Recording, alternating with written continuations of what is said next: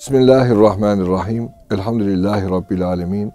Ve salatu ve selamu ala Resulina Muhammed ve ala alihi ve sahbihi ecmain.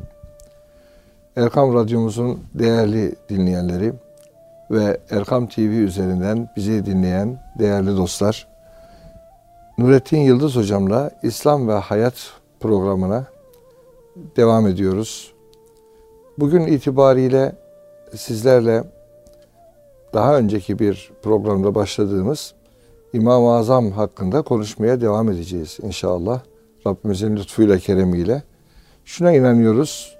Böylesi peygamber varisi, Allah Resulü'nün ilmine varis olmuş ulemamızı, alimlerimizi, e, Rabbani ariflerimizi anmak bize yeni yeni ufuklar açıyor. E, güzel örneklikler bizde güzel tesirler oluşturuyor diye düşünüyoruz. Hocam e, hayırlı, bereketli programlar diliyorum. İyisiniz Amin. inşallah, afiyettesiniz. Elhamdülillah. Elhamdülillah. Allah afiyette daim eylesin. Amin. Hocam e, İmam-ı Azam diye böyle e, sevenleri tarafından e, ona böyle bir lakap verilmiş. E, neden? Birçok ne demek müş... İmam Azam? evet. Birçok müştehit imamlar var. E, bu gök kubbenin altında nice alimler geçmiş. Fakat böyle bir lakabı, böyle bir e, vasıflandırmayı ümmet ona vermiş adeta ve buna da saygı duyurmuş. Onu böyle yapan sırlardan e, bahsediyorduk. Ne dersiniz böylesi bir isimlendirmeye? Azam en büyük demek. Evet. El İmamül Azam en büyük imam demek. Yani buradaki imam tabii ki cami imamı manasında değil. Ee, yani o alanında ümmeti Muhammed'e iştihatlar yapan, e, ümmeti Muhammed'in e, dinine öğretmenlik vazifesi yapan kadronun en büyük imamı evet. manasında. Allah seçti, bir yere getirtti. Ebu Hanife de o yerin hakkını verdi. Vereceğine ümmetin büyükleri şahit oldular. Adına da İmam-ı Azam diye bir vasıf getirdiler. Rahmetullahi aleyh. Şimdi hocam İmam-ı Azam'ı anlamak için bir takım derinlikleri de anlamak lazım. Yani İmam-ı Azam işte filan yarışmada birinci olan birisi değil. Ya da işte filan ödülü almış birisi olarak böyle meşhur değil. Yani iğneyle kazılmış bir kuyunun sonunda usta olarak paye almış. Şimdi Ebu Hanife rahmetullahi aleyhin doğum tarihine 80. Yani Resulullah sallallahu aleyhi ve sellem Efendimizin Rabbine gitmesinden tam 70 sene sonra. Evet. Bu dönem tabi'in neslinin yaşadığı dönem. Ümmeti Muhammed tarihi bakımından aleyhissalatü vesselam bakıldığında dönem tabi'in dönemi. Bu dönemde insanlar nasıl bir Müslümanlık yaşıyorlar? İnceleyelim. Evet siyasi olaylar var, facialar yaşanmış, e, dış saldırılar var, içeride huzursuzluklar var. Yani kalabalık bir yoğun tarihi yaşanıyor ama ümmetin çocuğundan ihtiyarına kadar herkeste siyasi olayların biraz dışına çıktığın zaman ciddi bir Kur'an-ı Kerim ve Peygamber sallallahu aleyhi ve sellemin mirasını yaşama, yaşatma arzusu var. Evet. Herhangi bir cami, mescit, görkemli bir binası yok. 10 tane hurma ağacının ortasında bir yeri çizmişler. Burası mescit demişler. İşte biraz duvar yapmışlar taştan. Ama şimdiki gibi görkemli cami yok. Fakat her caminin, her mescidin her ağacının direğinin dibinde üç tane beş tane talebe var. Bunlar ne öğreniyorlar? Yoğun bir Kur'an ezberleme ve öğrenme. Şimdi biz bir Kur'an kursuna gitsek sabah 9'da kahvaltısını yapmış hafız adayları, hocaları da oturmuş işte 50 tane talebe orada derslerini okuyacaklar o gün. Kuş bakışı o binayı seyretsek, işte üç tane talebe bir hocanın dibinde oturmuş, biri cüz okuyor, öbürü talim okuyor derken, yani Kur'an dünyası gibi bir şey ortaya çıkıyor. O gün Küfe, Basra, Bağdat, Yemen, Medine, Mekke böyle yerler. Evet. Yani İslam şehri dediğimiz yerlerde harıl harıl Kur'an okunuyor. Sadece de okunmuyor. Üzerinde de didik didik çalışılıyor. Filan yerde bir sahabi var duyulmuş. Kalkmış insanlar gitmişler, diz çökmüşler önünde. Ondan Peygamber sallallahu aleyhi ve sellemin mirasını öğreniyorlar. Filan yerde işte Said İbni Müseyyib var. Sahabi görmüş. Onun dizinin dibine oturmuş insanlar. Yani deyim yerindeyse ümmeti Muhammed bugün tarif edilemeyecek bir şekilde. Evet. Böyle teşbih yapacağım da sonra kıyamet günü başıma dert olur diye teşbih yapmak istemiyorum. Hani şu borsa indi çıktı diye bazen televizyonlarda görüntü oluyor. E, kimin elinde bir telefon, kimin elinde bir not yazıyor filan. Ekranlara bakıyorlar. Yüzlerce insan böyle ya ne oluyor ne okuyorlar bu ekrandan diye anlamayan biz mesela anlamıyorum ben. Orada ne okurlar o ekranlardan bilmiyorum siz merak ettiniz Yok mi? hocam ben de anlamıyorum. Ama bir heyecan var orada böyle. Herkes bir şeyler okuyor. Biri telefon ediyor, biri bir telefonla cevap veriyor, öbürüyle yazıyor böyle. Yani Basra, Küfe o gün öyle. Medine o gün öyle. Herkesin Kur'an. Kur'an okuyor, Kur'an dinliyor. Hadis okuyor, hadis dinliyor. Şundan yüz tane hadis duydum, bundan şunu duydum. O hocadan şu Kur'an'ı okudum. Bu dönem Ebu Hanife'nin doğduğu dönem. Hicretin 80. senesi. Yani insanlar bununla meşgul. Fırıncısı da bununla meşgul. Terzisi de bununla meşgul. Yani hem insanlar sanatlarını, mesleklerini icra ediyorlar. Hem de bu açılımla e, Kur'an-ı Kerim'e sarılıyorlar. Burada duracağız şimdi. Ebu Hanife'yi Allahü Teala'nın ne için seçtiğini ve nere gönderdiğini göreceğiz. Şimdi insanlar çok yoğun bir şekilde Kur'an alıyorlar hocalardan.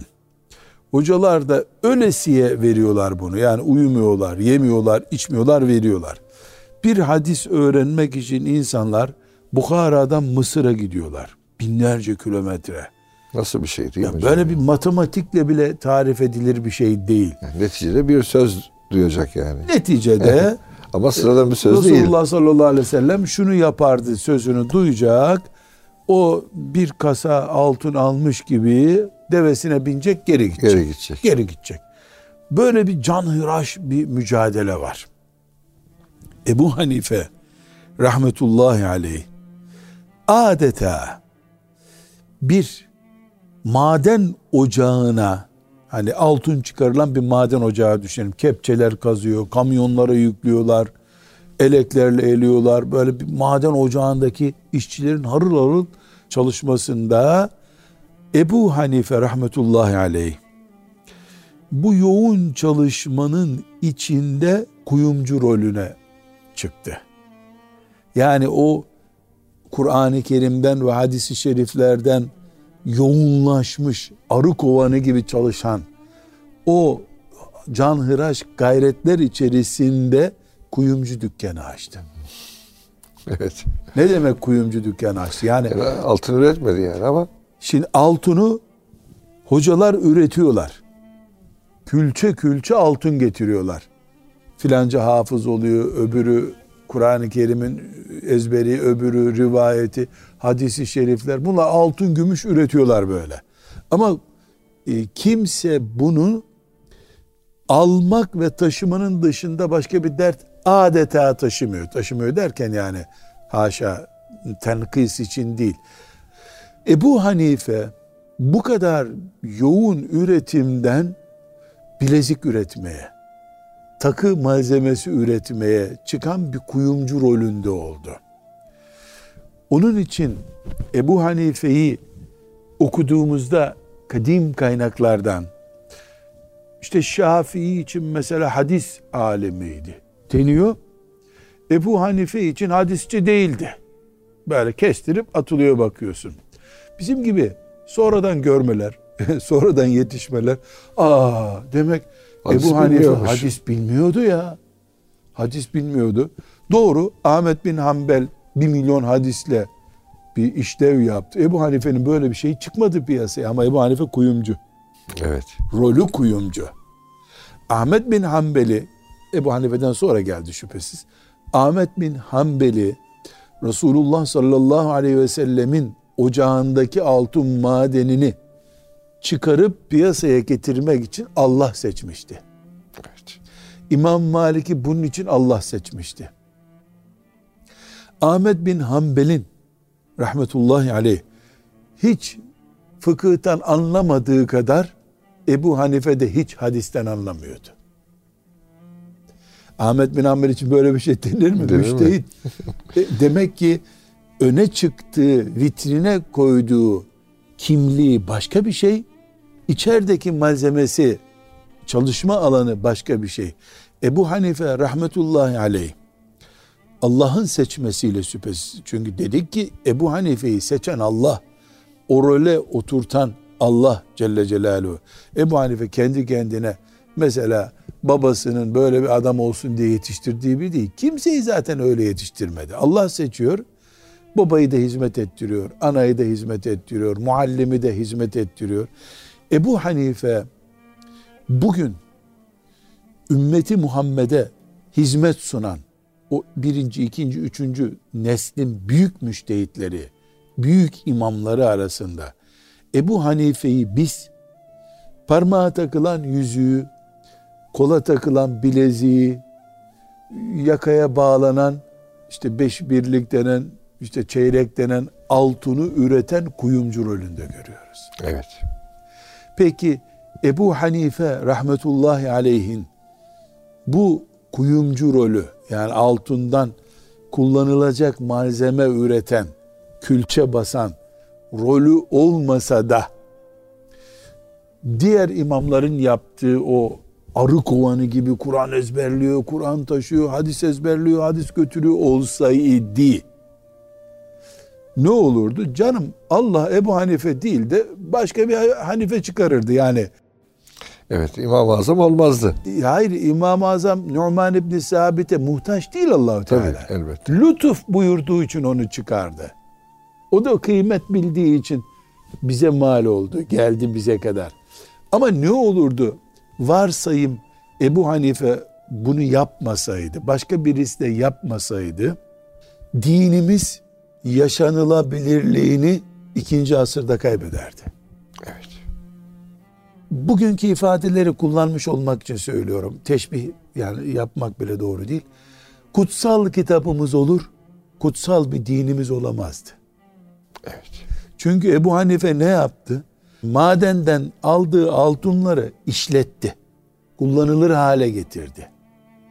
Büyüklüğü buradan kaynaklanıyor. Bizim çok madenlerimiz toprağın altında veya depolarda bekler ama bir bileziğimiz olmazdı o zaman. Allahu Teala Ebu Hanife'yi İslamiyeti namazından, evliliğinden, ticaretinden, siyasetinden vesaireye kadar bugün hayat dediğimiz ne varsa İslamiyet'in kaynağı olan Kur'an-ı Kerim'i, hadisi şerifleri, bu iki altın ve gümüş gibi olan bu iki madeni hayatın içinde kullanılır hale getirttirdi Ebu Hanife'ye.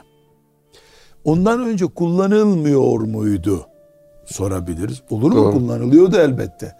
Ama henüz e, Bizans'ın pislikleri, Pers İmparatorluğu'nun pislikleri, yani yabancı dünyanın Kur'an ve sünnete düşman veyahut da ortada duracak eylemleri İslam ümmetinin içine sirayet etmemişti henüz. Evet. Hala Ömer bin Hattab radıyallahu anh'ın heyecanı duruyordu. Çünkü geçen zaman çok uzun bir zaman değil. Mesela 80 ne demek? Ali radıyallahu anh'ın yani Hulefai Raşidinin bitmesinden bir 30-40 sene geçmiş demek. Tabii. Sıcaklık hala devam ediyor. Sahne hala ashab-ı kiram sahnesi. Tabi'in nesli pratik olarak devam ediyor. Yani belki bizim bugün muhtaç olduğumuz gibi bir ilmuhal kitabına ihtiyaç henüz yok. Evet. Hatta henüz Bukhari gibi sahih bir hadis kitabına da ihtiyaç yok henüz. Henüz kitaba ihtiyaç yok. Çünkü örnekler Resulullah görmüş sallallahu aleyhi ve sellem. Bir Enes'i Küfe'de izliyorsun zaten. Basra'da izliyorsun zaten. Çok bir ihtiyaç yok. Ama bugün kitaba, ilmuhale ihtiyacım var benim. Bukhari'ye ihtiyacım var. Resulullah sallallahu aleyhi ve sellemin ne buyurduğunu du- duymuş olmak için. Dolayısıyla Ebu Hanife o gün külçe külçe altınları depolardan aldı, yüzük yaptı, bilezik yaptı, akçe yaptı, para bastı. Değişik bir iş yaptı. Evet. Bu yaptığı değişik iş ona pahalıya mal oldu. Çünkü insanlar hem duygusal hem samimi bir şekilde Kur'an okuyoruz, dinimizi yaşıyoruz buyuruyor diye bir havada idiler. El Hak'ta öyleydi. Enes'in peşinden gittik yaşıyoruz işte. Said İbni Müseyyeb'i bulduk peşinden gidiyoruz. Gidiyoruz. Doğru. Diyorlardı. Said İbni Cübeyr'i yakaladım ben. Ne yapayım ilmuhal kitabını senin? Ne yapayım hadis kitabını senin? Aha hadis gidiyor işte. Gibi çok samimi, duygusal. Ama bütünü bütününe diyelim 100 bin kişiydiler. Bütün Irak'ta, Şam'da 50 bin kişiydiler. Bütün nüfus. E, her gün bir 50 bin kişinin arttığı bir İslam ümmeti oluşmaya başladı bu sefer. Nitekim Osman İbni Affan radıyallahu anh döneminde ki henüz 20 sene geçmemiş Resulullah sallallahu aleyhi ve sellemin Rabbine gitmesinden 15 senelik bir zaman henüz değil. Ama İslamiyet ta Azerbaycan'a, Özbekistan sınırlarına gitmiş. Huzeyfe radıyallahu anh Osman'a geliyor ne diyor? Osman öyle Medine'de bir tane musaf var. O musaf yetmiyor. insanlar Kur'an hakkında değişik yorumlar, ayetler uydurmaya başladılar. Çabuk bu bunları çoğaltalım. İnsanlara musaf yetiştirelim. Yani Kur'an yetiştirelim evet. diyor değil mi? Evet. Ne yapıyor o da? Yedi büyük şehir için yedi büyük musaf hazırlıyor. Hakem musaf olarak işte onu gönderiyor. Bağdat'ta bir tane musaf var. Yemen'de bir tane musaf var.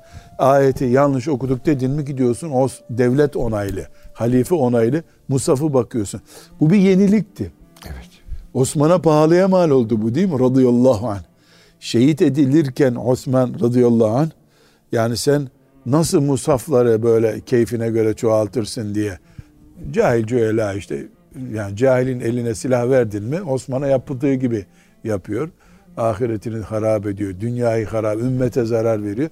Ama Osman radıyallahu anh bunu yaparken belki canıyla ödeyeceği bir atılım yaptı.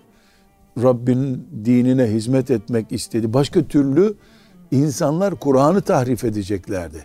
Kur'an tahrif olmasın diye allah Teala Osman'ı seçti. Osman'a yedi imzalı yedi musaf yaptırttı. Ümmet bir musafta kaldı böylece. Evet. Bu 50 sene sonra Osman'dan tam 50 sene sonra Ebu Hanife'nin doğduğu zamanda bir ihtiyaçtı. İnsanlar Kur'an ezberliyorlar, ezberliyorlar, ezberliyorlar. Hadisler ezberlenmeye başlanmış, başlanmış. İşte 5-10 sene sonra 100. senede yazılmaya başlanacak hadis-i şerifler. Ama bütün bunlarda yani depolar dolu gibi bir sahne oldu. E bu Hanife'yi gönderdi Allahü Teala. Bu depolardan herkese lazım birer külçe altın çıkarttırdı. Evet. Yüzük çıkarttırdı. Kolye çıkarttırdı. Lazım olana getirdi. Fıkıh bu işte. Evet. Fıkıh bu. Evet. Hocam inşallah e, bir kısa bir ara verelim. Tam bu fıkıh bu e, ifademizden sonra e, ümmetin böyle bir hani imamların peşinden gitme gibi bir mezhep anlayışı ortaya çıkıyor. Biraz bu, bu konudan konuşalım inşallah. E, mezheplere nasıl yaklaşmalı, nasıl bakmalı, e, bir mezhebe bağlılık şart mı değil mi? Çünkü e, gündemlerimiz sürekli böyle sorularla çalkalanıyor zaman zaman.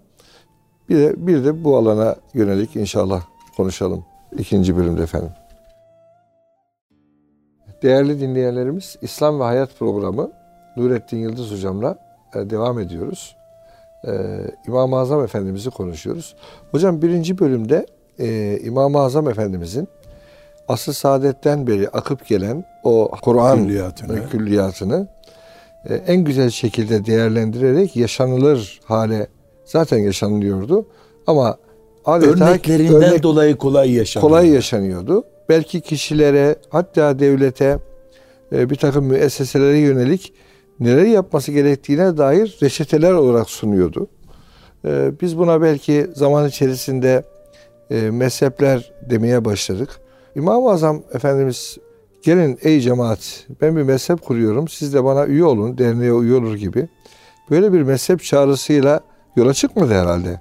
Ne İmam-ı Azam ne de bugün imam diye adını andığımız talebeleri ve ne de diğer mezheplerin imamları dernek kurar gibi mezhep kurmadılar. Evet. Bir şey kurmadılar zaten. Evet. Allah Teala'nın onları takdir ettiği rolü hakkıyla oynadılar. Evet. Mezhep kurmadılar.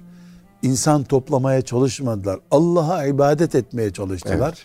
Fıkıhları, hadisleri, tefsirleri onların yaptıkları çalışmalar namazları gibi bir ibadetiydi. Daha sonra ümmeti Muhammed'in nesilleri biz bir sahabeyi görüp aa Ömer'i gördük diye peşinden gitseydik ne yapacaktı isek ki yapıldı öyle.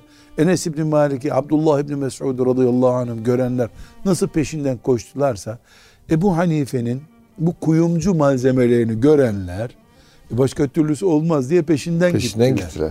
Meselesi olan gitti. Soru sor, soru sordu kendisine. Yani bunu nasıl yapayım imam dedi. Yani mecbursun. Evet, Mecbursun. Tabii.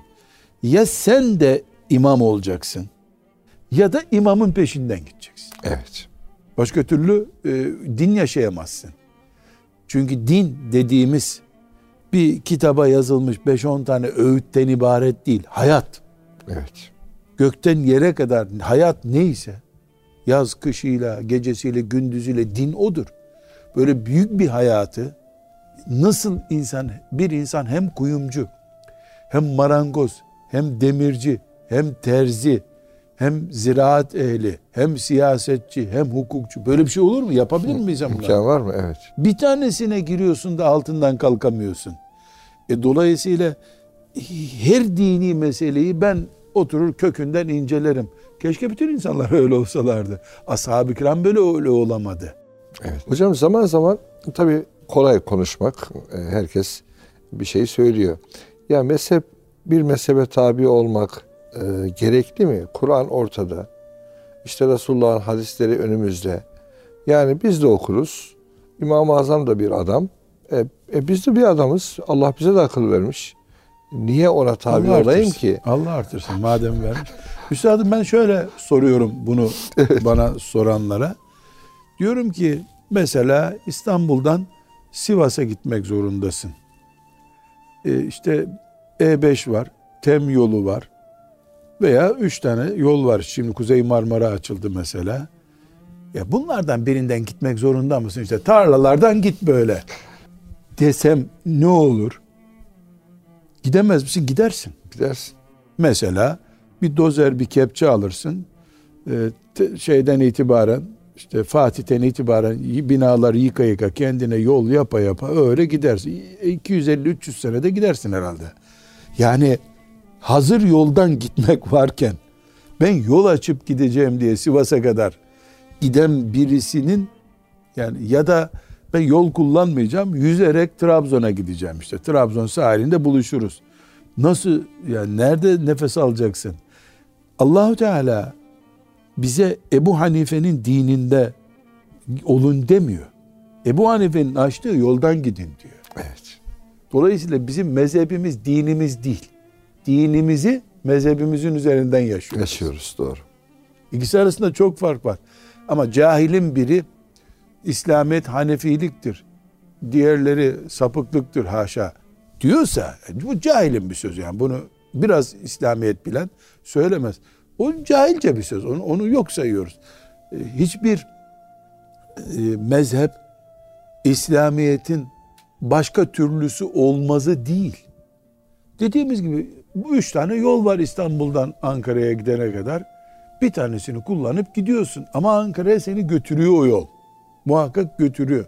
Şimdi bizim e, Ebu Hanife rahmetullahi aleyhin mezhebinde olmamız e, çok güzel eşantiyonları var. Be beğendik işte ikramiyelerle orada benzin indirimi yapıyorlar diye tuttuğumuz bir yol değil ki. Trafik daha açık o yolda. O yoldan dolayı değil. Yani öbürüne gitsek de bizim için bir şey değişmiyordu. Götüreceği yer aynısı. Buradaki şerit sayısıyla oradaki şerit sayısı belki ara sıra değişiyor. Kavşaklar değişiyor. Ama neticede hedef aynı ve mecburiyet bakımından yapacak bir şey de yok. Evet, İslamiyet ya bu dört mezheple yaşanır ya da İslamiyet'ten çıkarsın denir mi? Haşa, estağfurullah. Öyle denmez. Zaten biz Sivas'a başka bir yol açılamaz demedik. İstimlak ede ede birkaç yüz senede Sivas'a kadar gidersin. Yani böyle zor demek istiyoruz. Zor tabii. Zor demek istiyoruz. Mesela İbn Hazm denen birisi, davud Zahiri denen birisi, ben uymuyorum bu adamların yoluna, kendim yol açacağım dedi. Ümmeti Muhammed çık o zaman İslamiyet'ten mi dedi ona? Demedi. Demedi. Açarsan aç dedi. Bir yerlerde gitti tıkandı kaldı. Tuttu oradan İmam Malik'in peşine gitti. Oradan kurtulunca o zor rampadan kendisi yol açmaya başladı. Ya biz ümmet olarak hepimiz Rabbimizin rızasını kazanmak için çalışıyor olduktan sonra yani ne İmam Malik'le Ebu Hanife'nin tartışması diye bir şey var ortada. Ne İmam Şafii Ebu Hanife yaptıysa ben bunu yapmam dedi. Öyle bir şey de olmadı. Birbirlerinden istifade ettiler. Tıkandıkları yerde onun açtığı yoldan gittiler. Sonra baktılar ki onun orası çok rampa. Kendisi bir düz yol açtı. Hedef Allah'ın rızası ise evet. ve bir samimiyetse, bir ırkçılık, bağnazlık söz konusu değilse ümmeti Muhammed'in şu kadar mezhebi yok. Ümmeti Muhammed'i var, İslamiyeti var, Kur'an'ı var, peygamberi var sallallahu aleyhi ve sellem. Yolumuz Allah'ın rızası devam ediyoruz. Niye insanlar bağnaz bir şekilde bu olur gerisi olmaz diyorlar. Bu onların kafa yapısı. Ebu Hanife'nin mezhebi değil, değil. Tam burada hocam hakikaten e, okuyoruz işte e, tarih kitaplarında.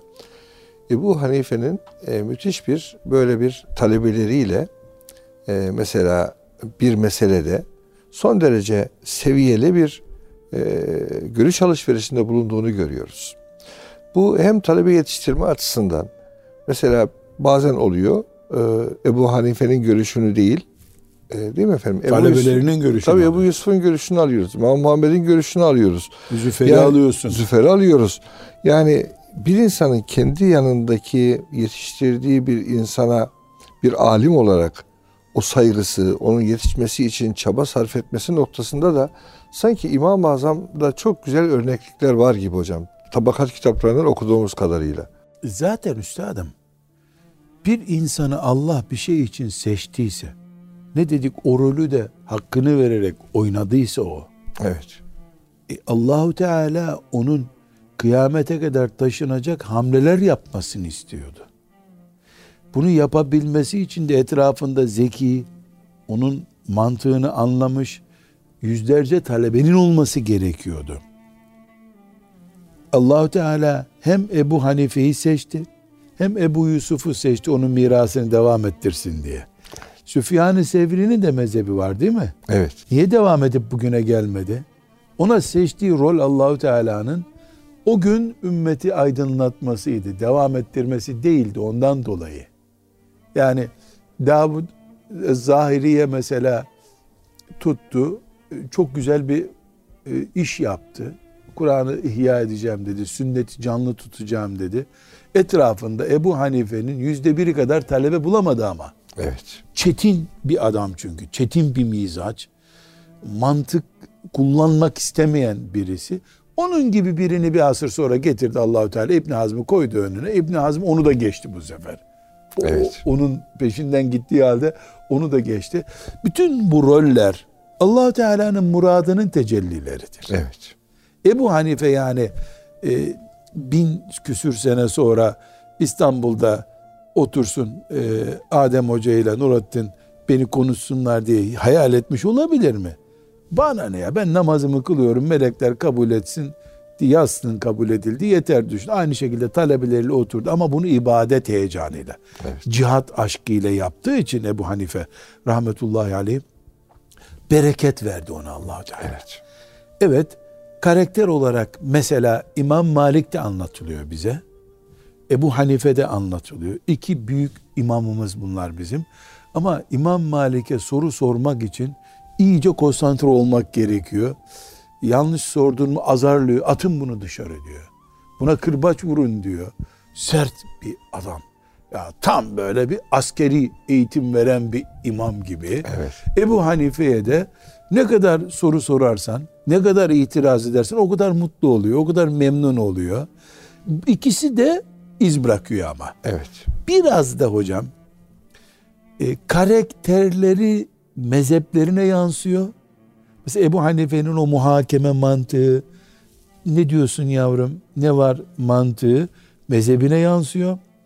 Milyarlarca insan kıyamete kadar o mantık üzerinde yaratıldıkları için karakter olarak Ebu Hanife'ye doğru meylediyorlar. Doğru. Şimdi deniyor ki işte Hanefi mezhebi Asya'da, Anadolu'da e, yaygın. işte Osmanlılar, Selçuklular işte tuttuğu için bu mezhebi çok basit bir ifade bu. Hayır. Asya insanıyla Kuzey Afrika insanı aynı değil karakter olarak. E niye İmam Malik'i Medine'den gitti aldılar da İmam Şafii Mısır'da yanlarında duruyor. Onu oradan almadı. Kuzey Afrikalılar da Şafii olmadılar. Yani Tunus, Mağrib, e, oralar hep Maliki mezhep. Evet, Endülüs evet. Maliki.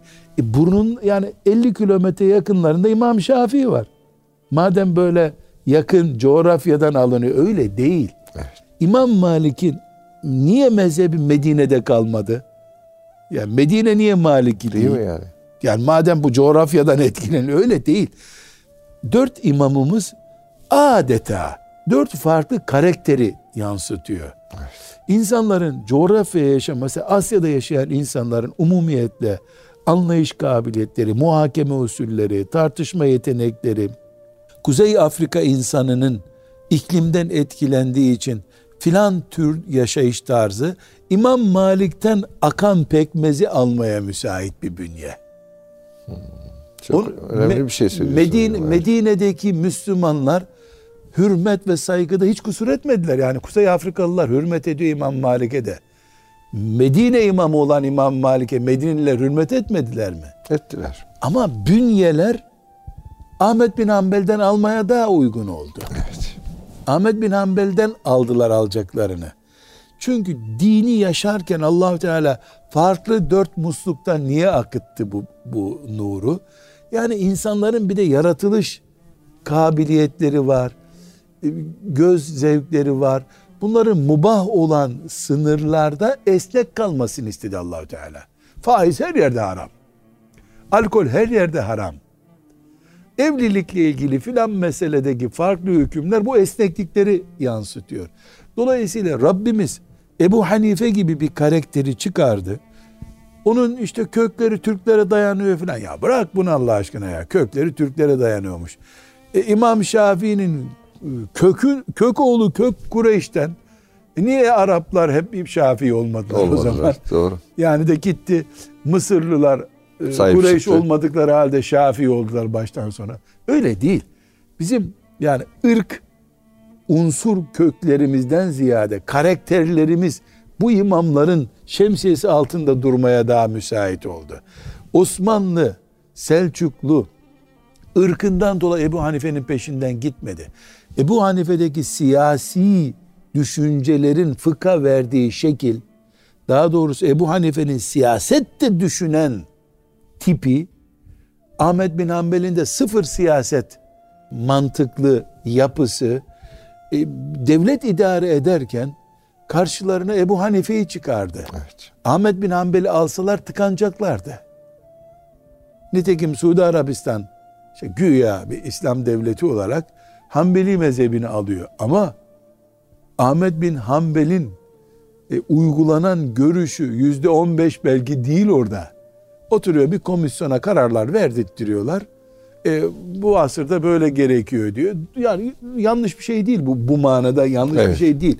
Ama mesele biz Ebu Hanife'nin seçilmişliğine döndüğümüzde bakıyoruz ki o muhakeme, o talebeyle ilişkisi, o insanla muhabbeti, ticaretten kopmayışı, siyasete yön vermeye çalışan işte Emevilere karşı kıyama hazırlık yapıyor, bütçe ayırıyor, örgütlendiriyor insanları.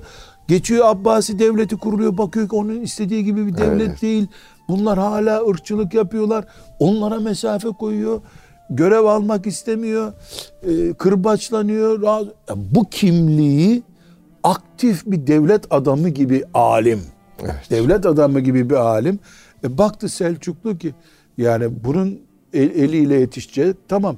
E, Nizamül Mülk Selçuklu'nun en büyük adamı değil mi? Evet. Şafii İmam Gazali'yi getirdi bir Şafii olarak oturttu. Niye Selçuklu Şafii olmadı? Başta niye Anadolu'ya Hanefiliği getirdiler?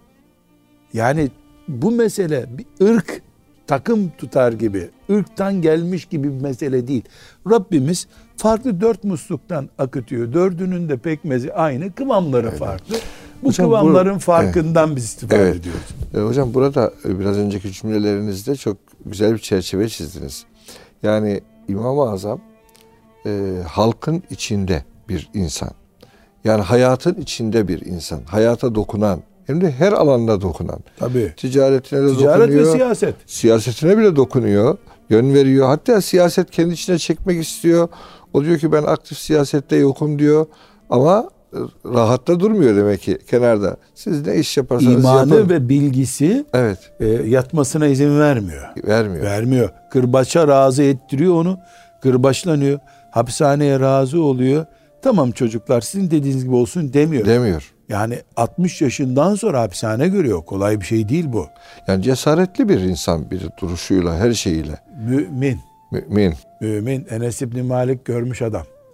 Sahabe görmüş adam. Evet. Yani biz, biz yani, de kıyas evet, edersek... Evet efendimci değil yani değil mi hocam? E, e, öyle efendimci bir tip değil. Evet. Efendi bir tip. Efendi bir tip. Efendi evet. bir. Nazik bakıyorsun nazik. Giyimine kuşamına bakıyorsun şık. Şık evet. Konuşmasına bakıyorsun beli adam.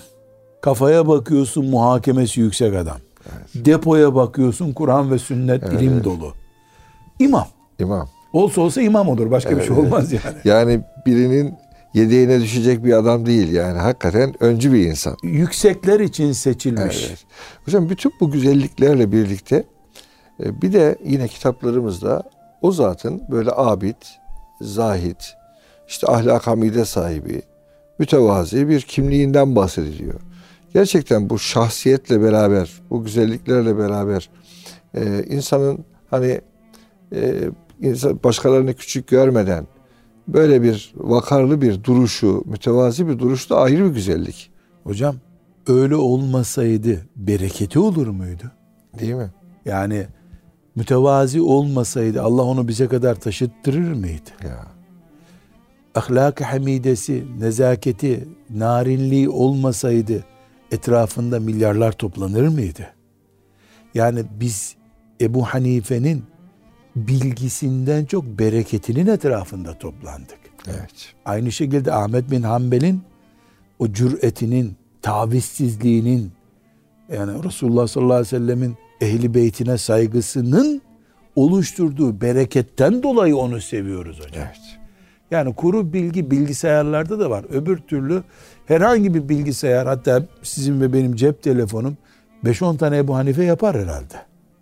Yani bilgi bakımından Doğru. bakıldığında. Malumat bakımından öyledir. E, yani imamımız demiyoruz herhalde biz. Niye? Bereketi olmayan bir cihaz işte. Evet. E, avuç içinden daha küçük bir cihaz. Hep ilim olsa ne olacak? Ebu Hanife'nin bilmedikleri bile bizim için bir bereket oluyor. Yani bu, bunu bilmiyorum dediği şeyden bile bir hikmet çıkarıyoruz. Evet. Evet. Rahmetullahi, Rahmetullahi aleyh. Aziz dostlar yine bir bu programımızın da sonuna gelmiş olduk. Cenab-ı Hak dini mübin İslam'ı bize kadar taşıyan bütün müştehitlerimizden razı olsun. Amin. Ee, İnşallah kıyamete kadar da nice nice müştehit imamlar çıkarsın aramızdan. Ümmete yol gösteren, karanlıkları aydınlatan, dağınıklığımızı toplayan. Hepinizi Allah'a emanet ediyoruz efendim.